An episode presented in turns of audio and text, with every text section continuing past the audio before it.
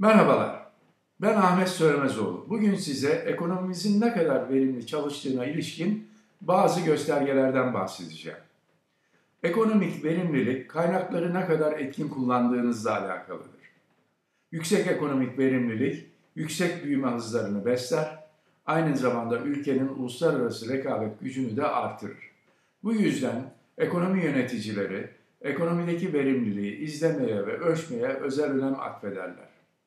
Dünyanın hemen hemen birçok ülkesinde bu amaçla kurulmuş özel ve resmi kurumlar bulunmaktadır. Ülkemizde de ekonomik verimliliği ölçme gayretlerinin kökü ta 1950'lere kadar gider. 1965 senesinde kurulan Milli Produktivite Merkezi ile bu gayretler tek bir çatı altında toplanmıştır. 2011 yılında çıkarılan bir kanunla Milli Produktivite Merkezi ortadan kaldırılmış ve Bilim, Sanayi ve Teknoloji Bakanlığı bünyesindeki Verimlilik Genel Müdürlüğü'ne devredilmiştir. Dolayısıyla şu anda ülkemizdeki ekonomik verimliliği izleme ve ölçme görevi resmen bu bakanlığımız ve bu genel müdürlüğümüzdedir. Fakat bunun yanı sıra çeşitli örgütler, kurumlar, özellikle meslek örgütleri kendi e, bilhassa kendi sahalarındaki verimliliği ölçmeye e, ölçmek için bir takım gayretlerde e, bulunurlar ve yaptıkları çalışmaları da yayınlarlar. Ulusal kurumların yanı sıra uluslararası kuruluşlar da ekonomik verimliliği takip eder. Hem global bazda hem de çeşitli ulusların nasıl ve ne şekilde verimli çalıştığı hakkında bir takım bilgiler, veriler yayınlarlarlar. Bunlardan en önemlilerinden bir tanesi bizim de kurucusu olduğumuz OECD'nin yayınladığı istatistiklerdir. Şimdi ben e, birazdan bu OECD'nin yayınladığı istatistiklerden benim iş gücü verimliliği diye tarif ettiğim e, ve iş gücünün bir saatte ürettiği gayri safi milli hasılayı gösteren bir takım rakamlardan bahsedeceğim birazdan. Ama buna geçmeden önce şunu söylemek istiyorum. Ekonomik verimliliği ölçmek oldukça zor bir iştir. Bu verileri saatli bir şekilde derlemek, bunları belli standartlara indirgemek ve bilahare analiz etmek oldukça ihtisas isteyen işlerdir bu OECD'nin ve diğer kurumların yayınladığı bilgilere ben ham veriler derim. Zira bu bilgiler daha sonra dünyanın her yerinde iktisatçılar tarafından çeşitli ekonomik ekonometrik metotlarla daha derin analizlere tabi tutulurlar. Bizim ülkemizde de bu işleri yapan üniversitelerimizde hocalarımız, resmi kurumlarda uzmanlarımız bulunmaktadır. Şimdi ben size OECD'nin iş gücü verimliliği diye tabir ettiğim bu e, verinin hem Türkiye hem de Türkiye'ye benzer gelir seviyesinde olduğu olan ve hatta birçok bir, bir konuda rekabet ettiğimiz OECD ülkelerine ilişkin rakamları şimdi size göstereceğim. Evet, şimdi burada OECD'nin yayınladığı çalışılan saat başı gayri safi yurt içi hasılanın ortalama senelik artış hızını gösteren rakamları veriyoruz. Bu rakamları bu gördüğünüz dönemler itibariyle veriyoruz. Bu birinci sütun 2001 ve 2009 arasında her bir yıl çalışılan saat başı gayri safi yurt içi hasılar ne kadar artmış? Bu 2009-2015 arası, 2015-2019 arası ve bu son sütunda 2001'den 2019'a kadar yıllık ortalama artış hızı. Benim iş gücü verimliliği diye kısaca e, tarif ettiğim bu çalışılan saat başı gayri safi yurt içi hasıla. Şimdi burada biz ne görüyoruz? Bir kere şunu görüyoruz. 2001-2009 arasında Türkiye her bir yıl iş gücü verimliliğini senede 4,6 12, yüzde 4,12 artırmış her bir yıl bu e, dönemde. Fakat daha sonraki dönemlerde istikrarlı bir şekilde bu geriye düşmüş. 2009-2015 arasında 3.30'a gerilemiş ve 2015-2019 arasında da 2,29'a inmiş. Ve neticede 2001'den 2019'a kadar olan yaklaşık son 20 e, sene içerisinde her bir yıl iş gücü verimliliğimiz %3,44 artmış. Ama bu ortalama 3,44 büyük bir şekilde e, ilk dönemdeki yüksek e, ortalamadan istifade etmiş. Zira son dönemlerin her biri bu ortalamanın altında gördüğünüz gibi. Aslında Türkiye'yi 2001-2007 diye baksaydık, Türkiye'nin e, iş gücü verimliliği 2001-2007 arasında yılda yüzde 6,34 arttığını görecektik. Yani asıl artış 2007'ye kadardır. 2007'den bu yana ise Türkiye'de iş gücü verimliliği senede ancak %2 civarında artmıştır ki demek ki 2007'den sonraki performansımız 2007'ye kadar olan dönemden dönemin ancak üçte biri kadar bile değildir. Dolayısıyla iş gücü verimliliğinde oldukça ciddi bir gerileme yaşamışız. Peki burada başka ne görüyoruz? Burada şunu görüyoruz. 2015-2019 senesi itibariyle, bu dönem itibariyle Türkiye burada bahsettiğimiz Bulgaristan, Estonya, Güney Kore, Costa Rica, Letonya, Litvanya, Polonya, Romanya, Slovanya gibi OECD ülkelerinin her birisinin gerisinde bir performansı vardır. Nitekim bakın Bulgaristan biz %2,29 verimlilik artışı yaparken Bulgaristan 2,78, Estonya 3,87, Romanya 4,75, Polonya 4,16 artırmış. Bunlar bizim doğrudan icabında Avrupa Birliği e, ve Gümrük Birliği içerisinde rekabet ettiğimiz ülkeler. Evet, biraz önce incelediğimiz bu e, rakamlar hakkında biraz e, ilave bir şeyler söylemek istiyorum. Şimdi bu e, çalışılan saat başı e, üretilen e, gayri safi milli hasıla dediğimiz zaman bu bunun içinde bir takım bilgiler var. Bazı şeyleri ima ediyor bu rakamlar. Bir tanesi iş gücümüzün becerileri hakkında veyahut becerilerinin zaman içerisinde gelişimi hakkında bir bilgi veriyor. Zira eğer iş gücümüz daha fazla nitelik kazanırsa dolayısıyla daha fazla üretim yapacak demektir. Aynı şekilde başka bir e, konuyu da bu rakamlar işaret ediyor. Nedir bunlar? Bu iş gücünün kullandığı teknoloji. Eğer bu iş gücü daha yüksek teknoloji kullanırsa, daha kabiliyetli e, makinalar, e, yöntemler e, veyahut işte e, aletler kullanırlarsa daha fazla tabiatıyla daha fazla üreteceklerdir. Dolayısıyla bu rakamların altında başka bilgiler de vardır. Tabii bunların içerisinde en önemlilerinden bir tanesi bu iş gücünün e, beceri seviyesi. Peki bu iş gücünün e, becerisinde biz ne durumdayız? İşte bir de e, ona bakalım ve bu rakamlarla bir e, köprü kurarız tahmin ediyorum. Şimdi burada gördüğünüz rakamlar PIAK adı verilen yetişkin becerilerini ölçen OECD anket sonuçları.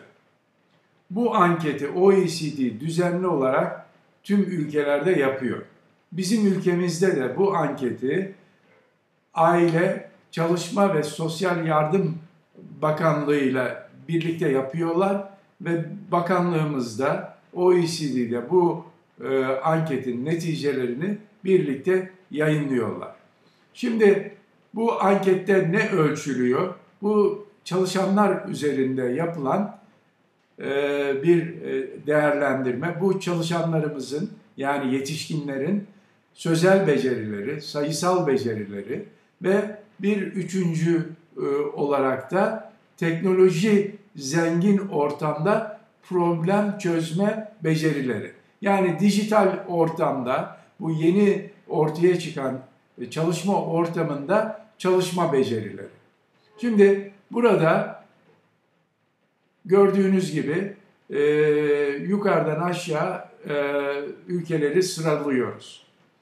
Maalesef Türkiye bu sıralamanın sonunda yer alıyor.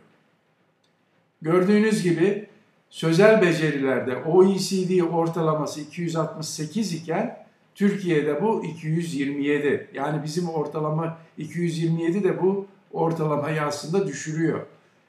Sayısal becerilerde OECD ortalaması 263 iken bizim 219. Fakat bizi daha da e, endişelendiren husus bu teknolojik ortamda problem çözme becerileri.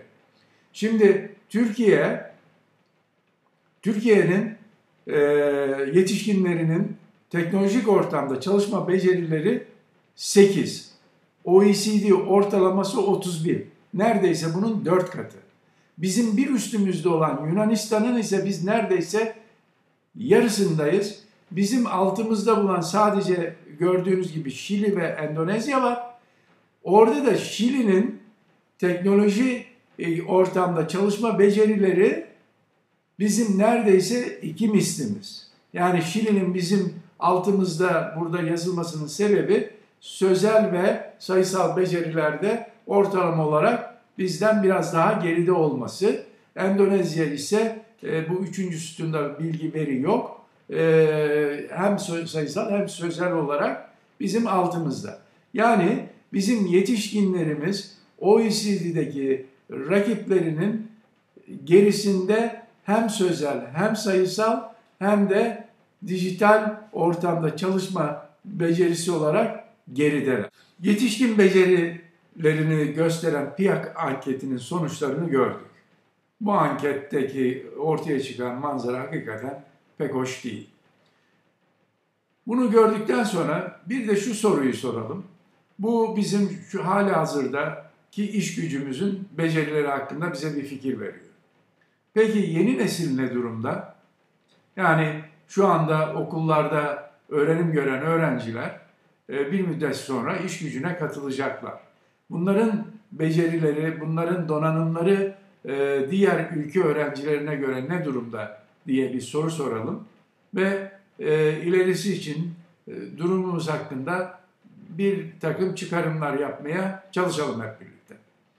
Şimdi bunun için de gene bir OECD anketi olan PISA neticelerine bakıyoruz. Malum olduğu üzere PISA çok yaygın kullanılan bizim de Milli Eğitim Bakanlığımızın OECD ile birlikte yaptığı ve yayınladığı bir anket. Zaten şimdi burada göster göstereceğim e, PISA sonuçlarını da ben bizim Milli Eğitim Bakanlığı web sitesinden aldım. Bir de bakalım e, şimdi bu PISA neticelerine orada ne durumdayız. Evet burada son e, PISA sonuçları 2018 PISA sonuçlarını veriyoruz. Ülkeler e, gördüğünüz gibi e, yüksekten e, alçak skora doğru e, sıralanıyorlar. Burada 44 tane ülke var. Biz sondan 1, 2, 3, 4, 5, 6.yız. 44 ülke içerisinde sondan 6.yız. Ne görüyoruz burada? Birinci Çin, Singapur, Macao, Hong Kong gibi uzak doğu ülkelerini görüyoruz ki Macao ve Hong Kong bildiğiniz gibi Çin içerisindeki muhtar bölgeler. Şimdi OECD ortalamasına bakalım. OECD ortalaması okuma yani kendi lisanında okuduğunu anlama kabiliyetine göre skor 487. Türkiye 466. Ortalamanın neredeyse 21 sayı altında.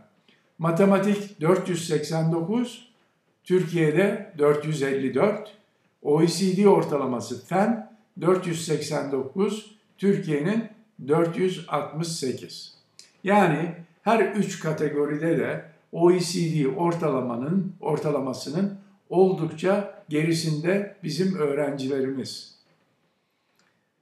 Ve zaten bizim altımızda dediğim gibi sadece 5 ülke var. Bunlardan bize yakın işte Yunanistan bizim altımızda, Meksika bizim altımızda ve Kolombiya altımızda. Bir de Slovakya ve Şili bizim altımızda. Diğer bütün ülkeler hepsi bizim üzerimizde. Yani bu e, öğrencilerimiz de yetişkinlerimiz gibi rakiplerine göre pek iyi konumda olmadığını bu PISA sonuçlarında görüyoruz. PISA e, neticelerini de gördükten sonra bir toparlama yapalım. Biz bugün burada şunu gördük ki iş gücü verimliliğimizde özellikle 2007'den sonra istikrarlı şekilde bir düşüş yaşıyoruz. Hatta 2007-2019 arasındaki performansımız 2001-2007 arasındaki performansımızın üçte birine bile ulaşmıyor. Ve daha da e, üzücüsü 2015-2019 arasında Avrupa Gümrük Birliği içerisinde rekabet ettiğimiz bize e, gelir durumu ve gelişmişlik düzeyi olarak bize yakın ülkelerle mukayese ettiğimiz zaman bütün bu ülkelerin gerisinde kaldığını da gördük. Özellikle Romanya, Polonya, Bulgaristan gibi ülkelerin oldukça gerisinde bir performansımız var son dönemlerde. Şimdi e, bunu tespit ettikten sonra iş gücümüzün e, becerileri ne durumda diye e, baktık ve bunun içinde PIAK sonuçlarını e, inceledik ve bu PIAK sonuçlarına göre de Türkiye'nin e, bu tablonun sonunda yer aldığını aldığını üzülerek tespit ettik. Ve şunu da gördük ki e, Türkiye özellikle dijital ortamda çalışma becerileri açısından OECD ortalamasının ancak dörtte biri bir skora e, sahip. Bu da bizi oldukça üzdü. Şimdi yetişkinlerimizin becerilerini tespit ettikten sonra bir de yeni nesil ne durumda diye e, sorduk ve orada da PISA neticelerine baktık. Ve maalesef PISA sonuçlarında da 44 e, ülke içerisinde sondan 6. olduğumuzu ve her kategoride OECD skorlarının oldukça gerisinde olduğumuzu tespit ettik. Dolayısıyla ortaya çıkan resim iş gücü verimliliğimizde sürekli bir düşüş yaşıyoruz Yetişkin becerilerimiz rakiplerimize göre geride. Okullardaki öğrencilerimizin e, seviyeleri de yine rakiplerinin oldukça gerisinde bir manzara var. Şimdi bu hoş bir manzara değil tabiatıyla. Fakat en azından durumumuzun ne olduğunu tespit eden bir manzara. Yani problemimizi biliyoruz. Dolayısıyla çözümlerini de bulabiliriz. Ne yapabiliriz mesela? Yetişkinlerimizin becerilerini yükseltecek e, eğitim programlarıyla onlara yatırım yapabiliriz.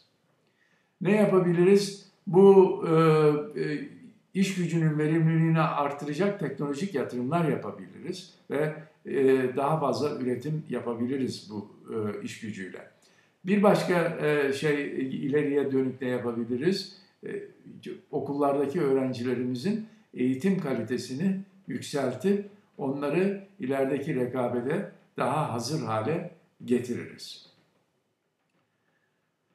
Bana zaman ayırdığınız için çok teşekkür ederim.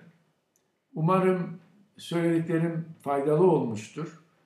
Bu arada şunu da belirteyim, bu bahsettiğim e, tablolar benim Küresel Ekonomi Düzeni kitabımda var. Ayrıca bu konuları e, son e, blog sistemde yazdım. E, ayrıca bu videonun audio faillerini de podcast olarak yüklemeye e, e, başlayacağım. Tekrar e, görüşmek üzere. Hoşçakalın.